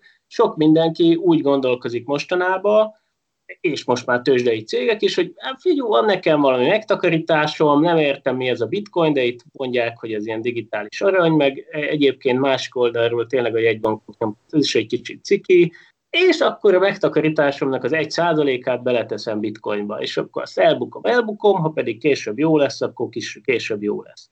Egyszerűen azt látom, hogy egy, egyre többen gondolkoznak így, vagy ilyen formában, nem csak ez a Square nevű cég, hanem, hanem máshonnan is hallok ilyen infót. Szóval szerintem ez érdekes. Jó, hát és egyébként nem csak digitális arányban, hanem klasszikus arányban is gondolkodnak még emberek, én úgy látom. A Revolut, ami, hát most nem, nem reklámozok, hogy mi az a Revolut, gyakorlatilag lehet aranyért venni most már, mondjuk kólát. Ugyanis az történik, hogy teheted a pénzedet a Revoluton aranyba, és amikor fizetsz a Revolut kártyáddal, akkor ebből az arany exposure-ből vonja le a fizetést, úgyhogy hát ez egy gyönyörű marketing húzás, azt kell, hogy mondjam. De itt, ha jól értem, a valódi újítás az azt, hogy most már nyersanyagot is lehet venni a Revoluton. Egyébként én egyetértek a Dáviddal, én is a pénzemnek egy százalékát benne tartom bitcoinban, egyébként egy kicsit többet is. Na hát egy rendes avokádót hallhattunk. Így van. Jó, és akkor lássunk egy rendes boomer karangyát a bitcoinnál, bár lehet, hogy megsértődik a leboomerezem, de hát ez van. Ugye a hetedik kerületi polgármesteri hivatalba kiszálltak a rendőrök, mert illegális bitcoin bányászat folyt. Hát ezt, se, ezt a hírt se olvashattuk volna, nem 10-20 évvel ezelőtt, hogy a magyar politika ide jutott. De mondjatok, Dávid, mit, mit szólsz ehhez? Bocsánat, bocsánat, helyesbítenék, nem vagyok biztos benne, hogy ez eh, jó a forrás, de nem bitcoin bányászatról van szó, Ethereum bányászatról. Ja, hát ez egy szofisztikált izé, bányász. Igen, tehát az, a, hírben egyébként bitcoin bányászat volt, de én azt valószínűleg gondoltam, hogy ez nem az, mert hogy bitcoint azt ilyen speckó cuccal lehet csak bányászni, az Ethereumhez nem kell annyira speckó cucc, vagy a speckó cuccnak nincs annyi előnye, tehát azt így lehet ilyen valami jobb videó kártyával is. Köszönöm a szakmai kiegészítés, Balázs. Igazából ugye azt néha elfelejtjük, de ez egy jó példa arra, hogy a bitcoin az tulajdonképpen valamilyen értelemben áramból van. Tehát ha bekötjük a valami masinánkat, a, vagy, vagy az éter is ugye áramból van, bekötjük a, a megfelelő masinánkat a, a konnektorba, és beállítjuk a bitcoin vagy éterbányász programot, és azután ez bányász ezeket a dolgokat. Az lényegben ez történik, áramot fogyaszt, és az egyik oldalt, és a másik oldalt kijön belőle a bitcoin vagy az éter. És hogy hát már az ilyen régi sztori, hogy mit tudom én, kollégisták dugták be a kis bányagépüket a kollégiumba, ahol ott ingyen fértek hozzá az áramhoz, meg ilyen munkahelyeken szoktak ilyen illegális bányákat létesíteni, hogy milyen jó, hogy a munkaadó hogy a kollégium fizeti az áramszámlát, és a bitcoin az végül is az én zsebembe landol.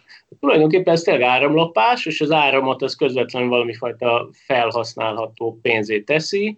Szóval, hogy ez egy érdekes jelenség, és egyébként az jut eszembe, hogy amikor Kínában nagyon sok bitcoin bánya volt, akkor tulajdonképpen Kínának az egyik export cikke az a bitcoin volt. De hogy a bitcoinon keresztül tulajdonképpen áram volt. Tehát, hogy a kínai, nem tudom, atomerőműre rá volt kötve a bitcoin bánya, abból az atomerőmű termelt áramot, a bitcoin bányából kijött a bitcoin, és ezt el lehetett adni dollárért. Tehát tulajdonképpen Kínában megtermelt áramból Kínának dollárbevétele keletkezett nem szénbányákból, az van nagyon túlépítve, és akkor a jó kis államilag támogatott szénbányászok végeredményben néhány informatikusnak tették teli a zsebeit bitcoinnal. Hát, tudod, miért nem mondta a Dávid a szénbányászatot? Mert akkor még a széndiokszid kibocsátást is hozzávághatjuk a bitcoinjához, és hát ezt nem bírja ezt a PR nyomást. Hát Így van, hát a bitcoin nem egy zöld dolog akkor. E, tehát egyik oldalt nem egy zöld, tehát hogy nagyon nagy áram lábnyoma van, ha így mondjuk, másrészt viszont Ugye ott vannak bitcoin bányák, ahol olcsó áramforrások vannak a világon, és az tipikusan olyan helyeken vannak, ahol megújuló energiából történik ez a bányászás. Tehát Akkor ebben is Norvégia?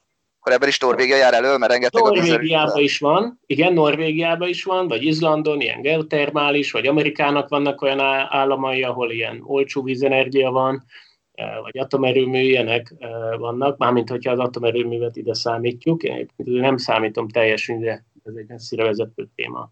De hogy ebből a szempontból, tehát amellett, hogy nagy áramlábnyoma van, azon belül viszonylag zöld áramból bányásszak a bitcoint. De tény, hogy ez így önmagában nem annyira jó. És Dávid, mikor lesz már végre olyan kriptopénz, aminek nem ennyire drága az előállítása, hogy nem kell hozzá mondjuk áram? Igen, tehát hogy ez a proof of work, amiben áramot fogyasztanak, ez azért kell, mert hogy a jó sok elégetett áram biztosítja a blokkláncnak a, a függetlenségét. Ha valaki ezt manipulálni akarja, akkor még több áramot kell elégetni, mint egyébként a, az egész hálózat.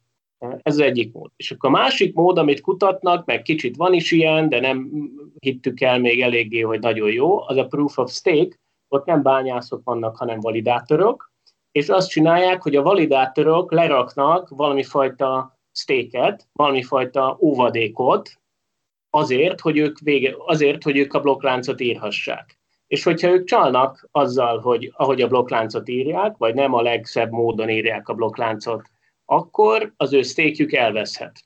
Tehát az ő óvadékukból a, a, a közösség levon, és ezért ez a rendszer ösztönzi azt, hogy a validátorok azok, azok jól végezzék a dolgukat. Hát egyrészt ilyenek vannak már, valamilyen módon, tehát hogy vannak olyan validátoros megoldások, amikben a validátor nem bárki lehet, hanem, hanem az úgy ki van jelölve, hogy ki. Mondjuk sokan lehetnek validátorok, de tény, hogy nem bárki lehet, ilyenek tökre vannak. Akkor van olyan is, ami ezt próbálja decentralizált módon csinálni, de nem elég nagy, tehát még nem hittük el azt, hogy ez tényleg, tényleg jól tud működni. És akkor, nem tudom, az Ethereumban van egy hosszú folyamat, ami, ami azt célozza, hogy végül ilyen proof of stake-es validátoros rendszerben menjen az ethereum bányászat, és ez egy több lépcsős folyamat lesz, amíg idáig elérünk. És ennek az első lépcsője, vagy mondjuk így ilyen nulladik lépcsője, az most már néhány hónapon belül el fog indulni, az úgynevezett Beacon Chain. És uh, utána még azért az több év, hogy ebből, uh, ebből igazi proof of stake-es rendesen működő validálás lesz. Na jó, hát akkor még egy ideig maradunk az áramnál. Egy ideig még maradunk. Mielőtt minden hallgatót elveszítenénk itt a blokkláncon, térjünk vissza szerintem sokkal populárisabb oldalához, ugye ez, mert ugye hát itt egy, egy ellenzéki ellenzéki politikusról van szó, nagy valószínűséggel. Hát szóval foglalkozunk mi velük, hát foglalkozunk mi az ellenzéki lopásra, csak engedjék oda őket a hangos bemondóhoz, az a baj, és engedik oda. És, és akkor, hát Dávid, mondj már, szerinted milyen elektromos számláról lehet szó? Mondjuk egy ilyen havi 50 ezer forint, mondjuk az én tippem, ami föl az akkor évi félmillió forint. Eh, na szóval meg, megvan ugye a ellenzéki lopás egy gócpontja, és tudod, és amikor ezen és akkor ez nagyon érdekes ebben a politikai rendszerben, hogy amikor azon szoktak rugózni, hogy mennyi a, a parlamenti képviselők fizetése, meg a parlamenti költségtérítésen, ami, ami tehát ilyen, tényleg ilyen havi pár százezer forintos, nem tudom, hogy tisztességes vagy tisztességtelen fizetés, na de azt észre kell venni, hogy és ugye ez furcsa, hogy összekötöm ezt a lopást a fizetéssel, de hát valami összekötődött. Szóval, hogy az a furcsa, hogy amikor az emberek nem szeretik, hogy egy parlamenti képviselő magas fizetést kap, pedig igazából az kéne, ugye, hogy óriási presztízse legyen egy parlamenti képviselőségnek, van egy magas fizetése, és, és akkor hát, ha ezt az egzisztenciát ezt nem akarja föllopni, fölborítani azzal, hogy már például bitcoint lop, vagy mi Ethereumot lop. Vagy Zsolt, önkormányzati képviselőről van szó. Ja, hogy úristen szegény. A ébérért dolgozott? Ott nem olyan magasak a fizetések messze, mint egy parlamenti képviselő esetében. A- akkor az a megoldás, hogy az ő, ő fizetésüket is emelnik. Egy, egy... önkormányzati képviselő az sokszor nem is teljes állásba csinálja. Most a konkrét esetben fogalmam sincsen, csak mondom. Áj, akkor az elméletem nem. Jó, akkor úgy látom ezt a bitcoin lopást, ezt sehol se úsztuk volna meg, ami Ethereum lopás volt. Mi igen, való, valószínűleg nem lopott olyan túl nagy összegbe, tehát én egy, igen, ezt a havi néhány tízezer forintra tippelnék. Nem nagyon értem, hogy ez ennek mi értelme volt így. Hát Balázs most megosztotta velünk, szegény, társadalmi munkában alkalmazott képviselő volt.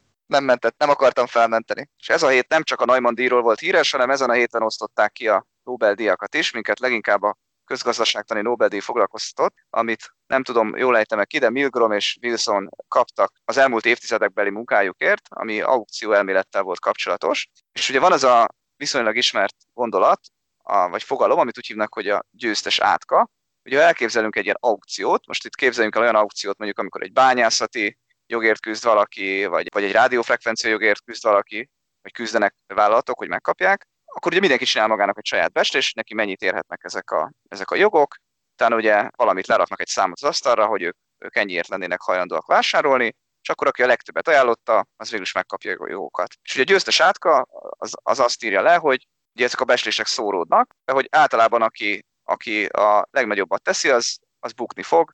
Becslések átlaga, hogy valójában mennyit érhet ez a, ez a jog, az lehet, hogy jobban lefedi a valós értéket, mint az, aki, aki ennek az elosztásnak a, az egyik végén van. Lehet, hogy ugye extrém magas árat mondott. Na most ezt tudják egyébként a szereplők is, hogy ez, ez létezik, és ők emiatt elég óvatosak lesznek, úgyhogy, úgyhogy azért érdemes nekik alacsonyabb árat mondani, maximum nem kapják meg ezt a jogot, de legalább nem is fognak. Tehát ők pontosan gondolkodnak ezek, ezekkel a dolgokkal, figyelembe veszik. És ezek a kutatók azt hangsúlyozták ki, hogy nem csak arról van szó, hogy ezt, ezt a bestést végzik el a, a szereplők, hanem, hanem azt is elvégzik, hogy egyébként megpróbálják megnézni azt, hogy a többiek mit tudhatnak ezekről a, a jogokról. És ők egyébként általánosságban azt írják le, hogy amikor bizonytalan szituáció van, akkor mindenki fél attól, hogy túl magas árat mond, és helyett inkább sokkal alacsonyabb árat mond, és ezért nem lesz olyan jó az eredménye ennek az aukciónak. És azt is megfigyelték, hogyha vannak olyan szereplők, akik sokat tudnak, meg vannak olyan szereplők, akik keveset tudnak, akkor is inkább a, a szereplők hajlamosabbak jóval alacsonyabb árat mondani, mint, mint kellene. Modelleztek egy csomó ilyen ö, struktúrát, és hoztak ki olyan javaslatokat, amik ezeket a problémákat oldják meg. Én most ezeknek a gyakorlati vonatkozásait nem fogom ö, tudni elmondani, meg pontosan azt sem, hogy milyen aukciókat tartanak egyébként a legjobbnak, de ami biztos, hogy azt állítják, hogy a több információ az jobb eredményhez vezet, az nem fogja annyira levinni az árat, és azt sem érdemes csinálni, hogy valakinek sok információt van, van, akinek kevés. Tehát figyelnie kell az aukció királynak, hogy adjon egy ilyen megfelelő informátsági ö, fokot. Igen, és egyébként még szerintem azt hozzá lehet tenni, hogy hogy ezek az aukciók, amiket mondjuk az állam folytat le a frekvencia jogokért, az abból a szempontból tudnak veszélyesek lenni, hogy egyrészt van egy olyan cél, hogy hát ezt minden drágában adja el az állam, hát az adófizetőknek az a jó, hogyha minél nagyobb a bevétel. De ez nem teljesen így van, és ezért is nehéz, és ezért is fontos, és ez is köthető ez a Nobel-díj, hogy ja, de hogyha ezt jó drágán adják el mondjuk a frekvenciajogokat, akkor jó drágán fogják megkapni a szolgáltatást, a te mobiltelefonos szolgáltatást az előfizető.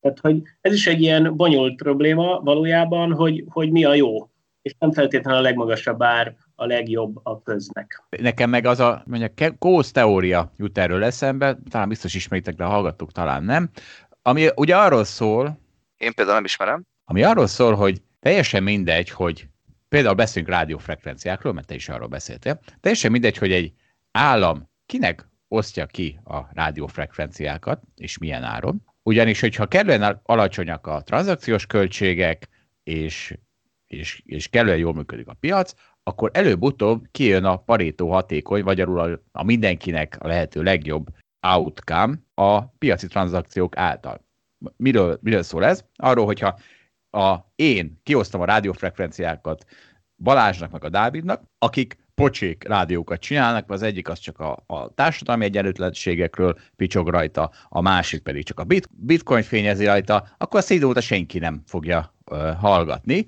és gyakorlatilag csőd, mondjuk, még csődbe se kell menniük, hanem azt mondják, hogy hú, hát ez tényleg nem jó, mert 14 darab hallgatónk van, ebből nem él meg a rádió, úgyhogy eladom valaki olyannak, aki ezt sokkal jobban fogja üzemeltetni. És ez szépen így egy, az egyre inkább olyanok kezébe fog kerülni, akik a lehető legjobban működtetik, ha működik a piac. És az, a, az én meg azon nyelfogok, hogy itt van már megint egy piac, ami Magyarországon biztos, hogy nem működik, hiszen itt a rádiófrekvenciák valahogy nem találják meg a leghatékonyabb felhasználót, hanem valahogy, valahogy ott maradnak a barátok, a Balázsok meg a Dávidok kezében.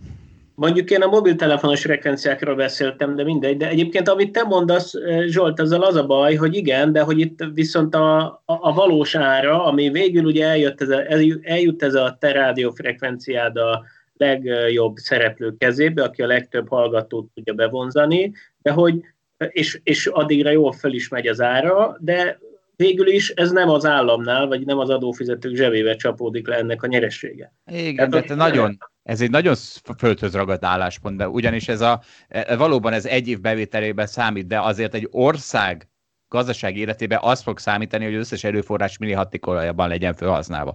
Tehát, hogyha tíz év múlva minden erőforrás baromi hatékonyan lesz felhasználva, akkor az az ország gazdasága sokkal előrébb jut hosszú idő alatt, mint az, hogy most abban a privatizációban, abban az évben az a bevétel az, az, az mekkora volt. Érted? Tehát, hogy ezért szól hát ez arról. Te itt azért, azért itt ebben a műsorban te fel lennél háborodva, hogyha csak így odaadnák valami hülye rádiónak a, a valamilyen frekvenciát nagyon olcsón, és nem ezt mondanád.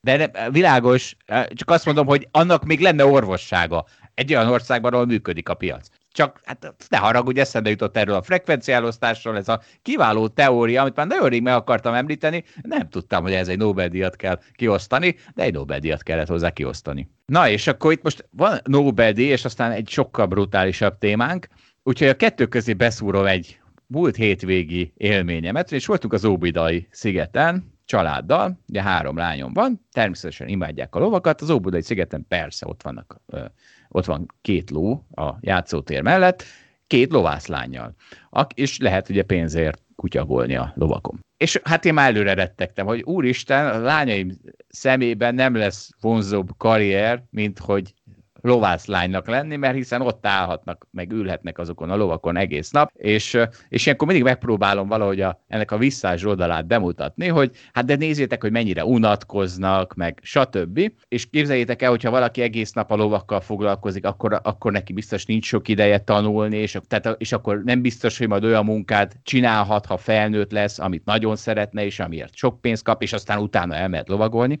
Szóval ilyesmikkel próbálkozom őket terelgetni. És ahogy így álltunk ott a, e, emellett a e, Lákon csoport mellett, vagy Lákon csoport mellett, vagy milyen csoport, a, az történt, hogy az egyik lovászány, aki unottan nézegette a mobilját, és a fejemben lévő előítéletek alapján elvileg TikTokot kellett volna nézegetnie, egyszer csak odaszólt a másik lovászlánynak, hogy és most figyeljetek nagyon, tudtad, hogy bármely háromnál nagyobb primszám négyzetéből egyet kivonva a 24 többszörösét kapod? Ez mit szóltak? Egyrészt tudtátok-e? Zsolt, én nem hiszek neked teljesen, hát ennyire bonyolult dolgot mondtak, hogy tudtad te ezt megegyezni, meg felfogni? Ott fölírtam, tehát nálam, ezt azonnal ott fölírtam, mert éreztem, hogy itt podcast téma van a levegőben. Van le, hogy hú, itt nagyon okos emberek vannak, de biztos nem megyeztem volna meg, hogy itt mondtak, mert túl komoly lett volna. Na mi? Hát sem, Nincs hozzáfűzni valótok? Valami izé, hogy hol hibázik az elmélet? Én utána néztem fejbe, és így... Mondd még egyszer, mert én már, már ennyi időt is elfejtettem, hogy mondtál. Igen, én is abszolút. Bármely háromnál nagyobb prímszám, tehát mondjuk ilyen az öt. Ez még megvan, ugye? Ha ezt négyzetre emeled az ötöt, és egyet kivonsz, akkor a 24-nek a többszörösét kapod. És ugye ez állítólag igaz minden prímszám. Nem mentem már minden prímszámig, de néhányat megnéztem, és arra stimmelt. Most, én nem most... tudtam. Én sem tudtam. De lehet, hogy be tudnánk bizonyítani a Dávid adnál nekünk egy órát. Én most nem tudom bebizonyítani. Hát azért kellene az az egy óra. Ezt se tudjuk, mennyire bonyolult ez a probléma. Lehet, hogy nagyon bonyolult, lehet, hogy egyáltalán nem. Nem tűnik olyan egyszerűnek. Jó kis számelméleti cucc. Testvérem éppen számelmélettel foglalkozik. Következő műsorban őt hívjuk meg. Na jó, de megnyugtatlak titeket, tehát azért innen azért erősen downhill volt az a lovászlány beszélgetés, de hát legalább magasról indult, és engem meghökkentett. Na hát, kedves nézőink, baj van, eltelt egy negyed év, és Balázs megint kivirágzott, ugyanis hát újra vállalati jelentési szezon van. Úgyhogy nem fogjuk megúszni a számait, viszont azon gondolkozom, hogy talán ha aláfestő zenével ezt elviselhetőbbé teszem, vagy nem is, Balázs, megvan. Hát figyelj, felgyorsítom, és tudod ki az a Benny Hill? Ö, igen. A főcímdalát is ismered? Ezt nem. Ez az.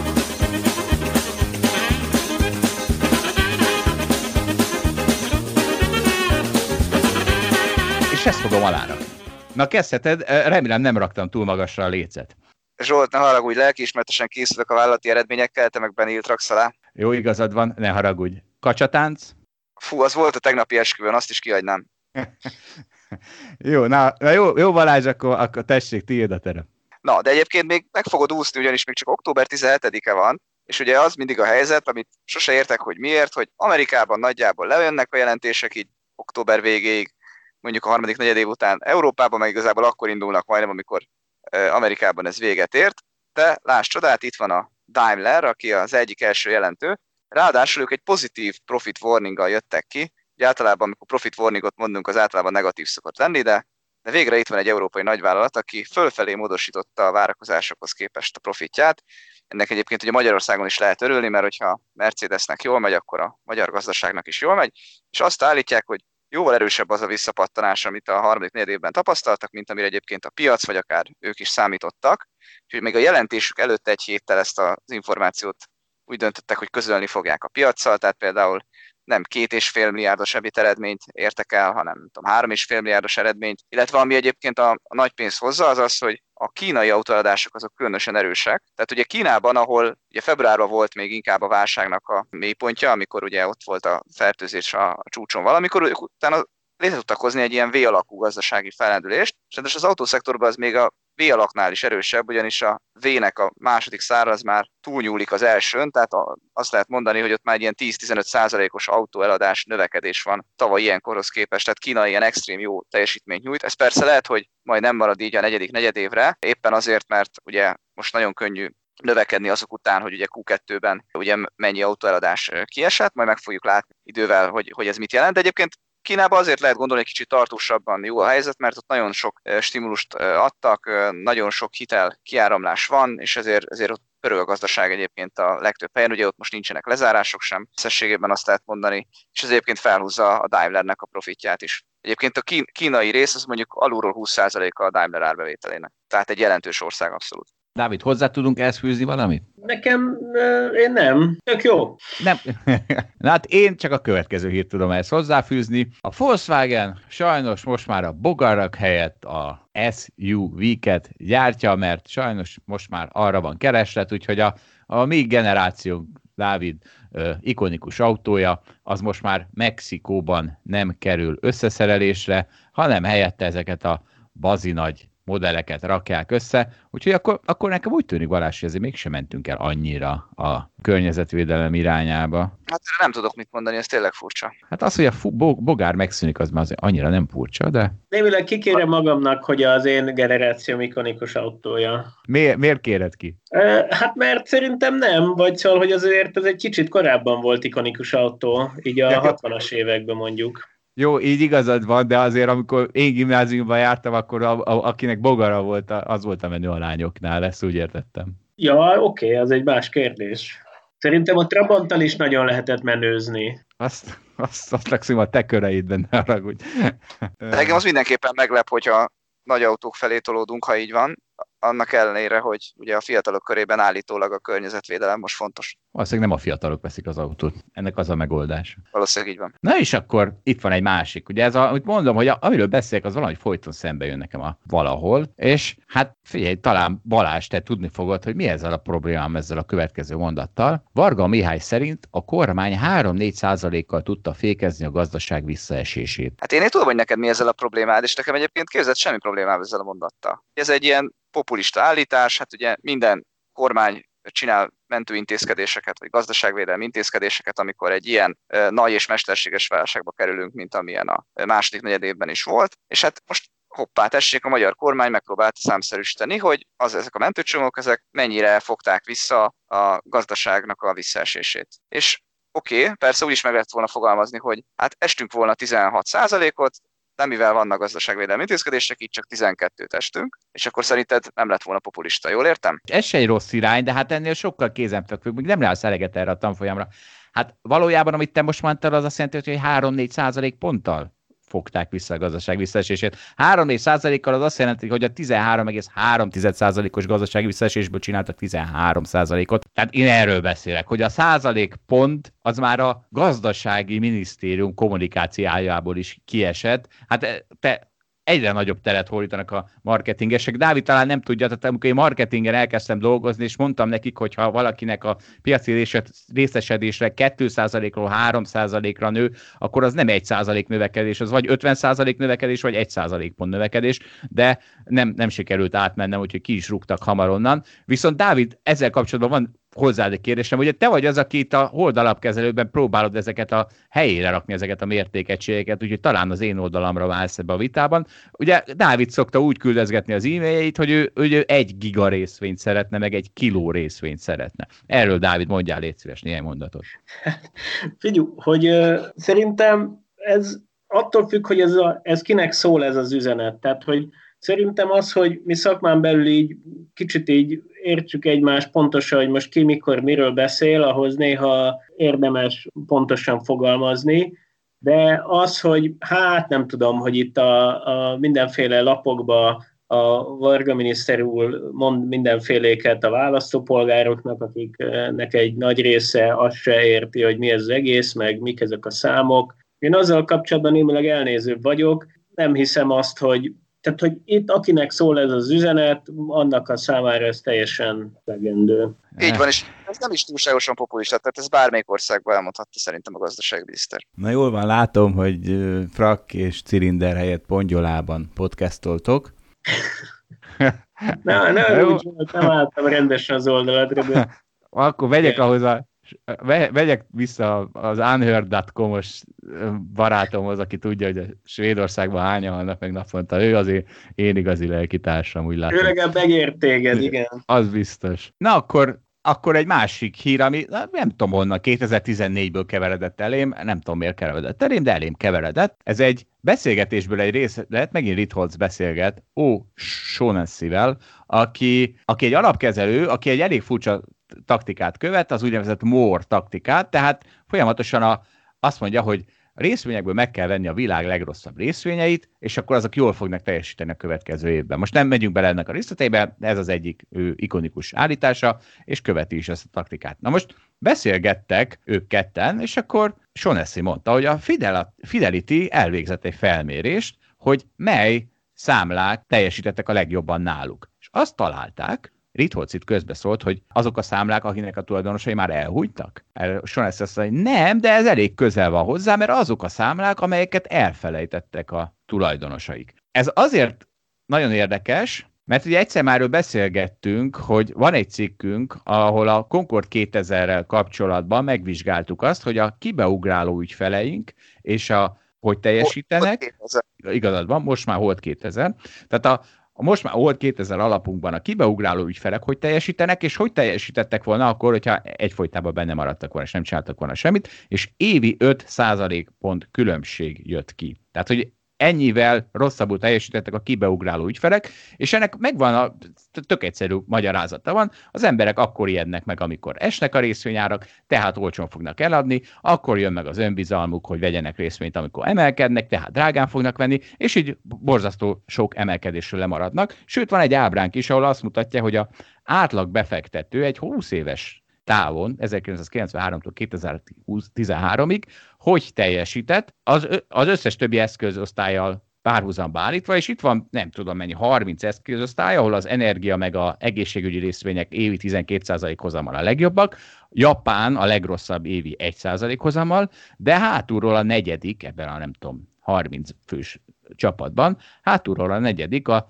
átlagos befektető 2,5 százalék, évi 2,5 százalék hozammal. Na, hát szóval ezt csak egy érdekességként megemlítettem. Igen, de tudod, az elmúlt 30-40 évben folyamatosan lefelé mentek a kötvényhozamok, amik nyomták fel a részvények árát. Ezt nehéz elképzelni, a következő 30-40 évben is így lesz tekintve, vagy már negatívak a kötvényhozamok. Tehát én azt gondolom, hogy ez lehet, hogy ez most pont igaz volt, de nem biztos, hogy igaz lesz máskor. Másrészt egyébként én egyetértek, tehát hogy jó sokáig benne ülni valamiben, főleg ha ez inkább akkor igaz, hogyha log részvényben van az ember, tehát nem sortolja részvényeket, hanem longolja, és egyébként meg elköveti azt a problémát, hogy egy kis nyerőbe túl hamar lezárja. Igen, én is abszolút egyetértek ezzel a dologgal, annak ellenére, hogy én attól tartok, hogy itt a saját alapunkkal kapcsolatban mi ócertani hibát védtünk, amikor kiszámoljuk ezt az 5%-os előnyt a, azok javára, akik végig benne ültek. Egyszerűen azért, mert ennek az alapnak sokkal kevesebb pénz volt benne a 2000-es évek elején, mint mondjuk mostanában, vagy az utóbbi években, és egyszerűen azok az idők, amikor sok hozamot lehetett csinálni, magas volt a kockázatmentes hozam is, az egyszerűen kis súlyjal vannak benne, és a későbbi időszakok pedig nagy súlyjal vannak benne, legalábbis amelyik azt nézi, hogy mikor, tehát ami az alapján van súlyozva, hogy mennyi pénz van aktuálisan az alapban. Nem vagyok benne biztos, hogy nem tevétesz módszertani hibát a kritikád során, de mindegy, lépjünk ezen túl. É, és, ha már pontosak akarunk lenni, Zsolt. Na figyeljetek, most már akkor itt a vége felé. Hát az az igazság, hogy azt olvasom, hogy Cristiano Ronaldo, aki nem egy messzi, de egy 70% messzi, elkapta a koronavírust. Teljesen tünetmentes ugyan, viszont az a helyzet, hogy egy edzőtáborban kapta el, és rajta kívül senki nem kapta el. Magyarul ő nem egy superspreader, és egy kicsit aggódom, hogy ezt az ő egója hogy fogja elviselni. Na, én ilyenkor örülök, Dávid, hogy itt vagy, és átpasszolatom neked ezt a kérdést. Jó, oké, okay. akkor én mondok rá valamit. Ki az a Cristiano Ronaldo? Wow.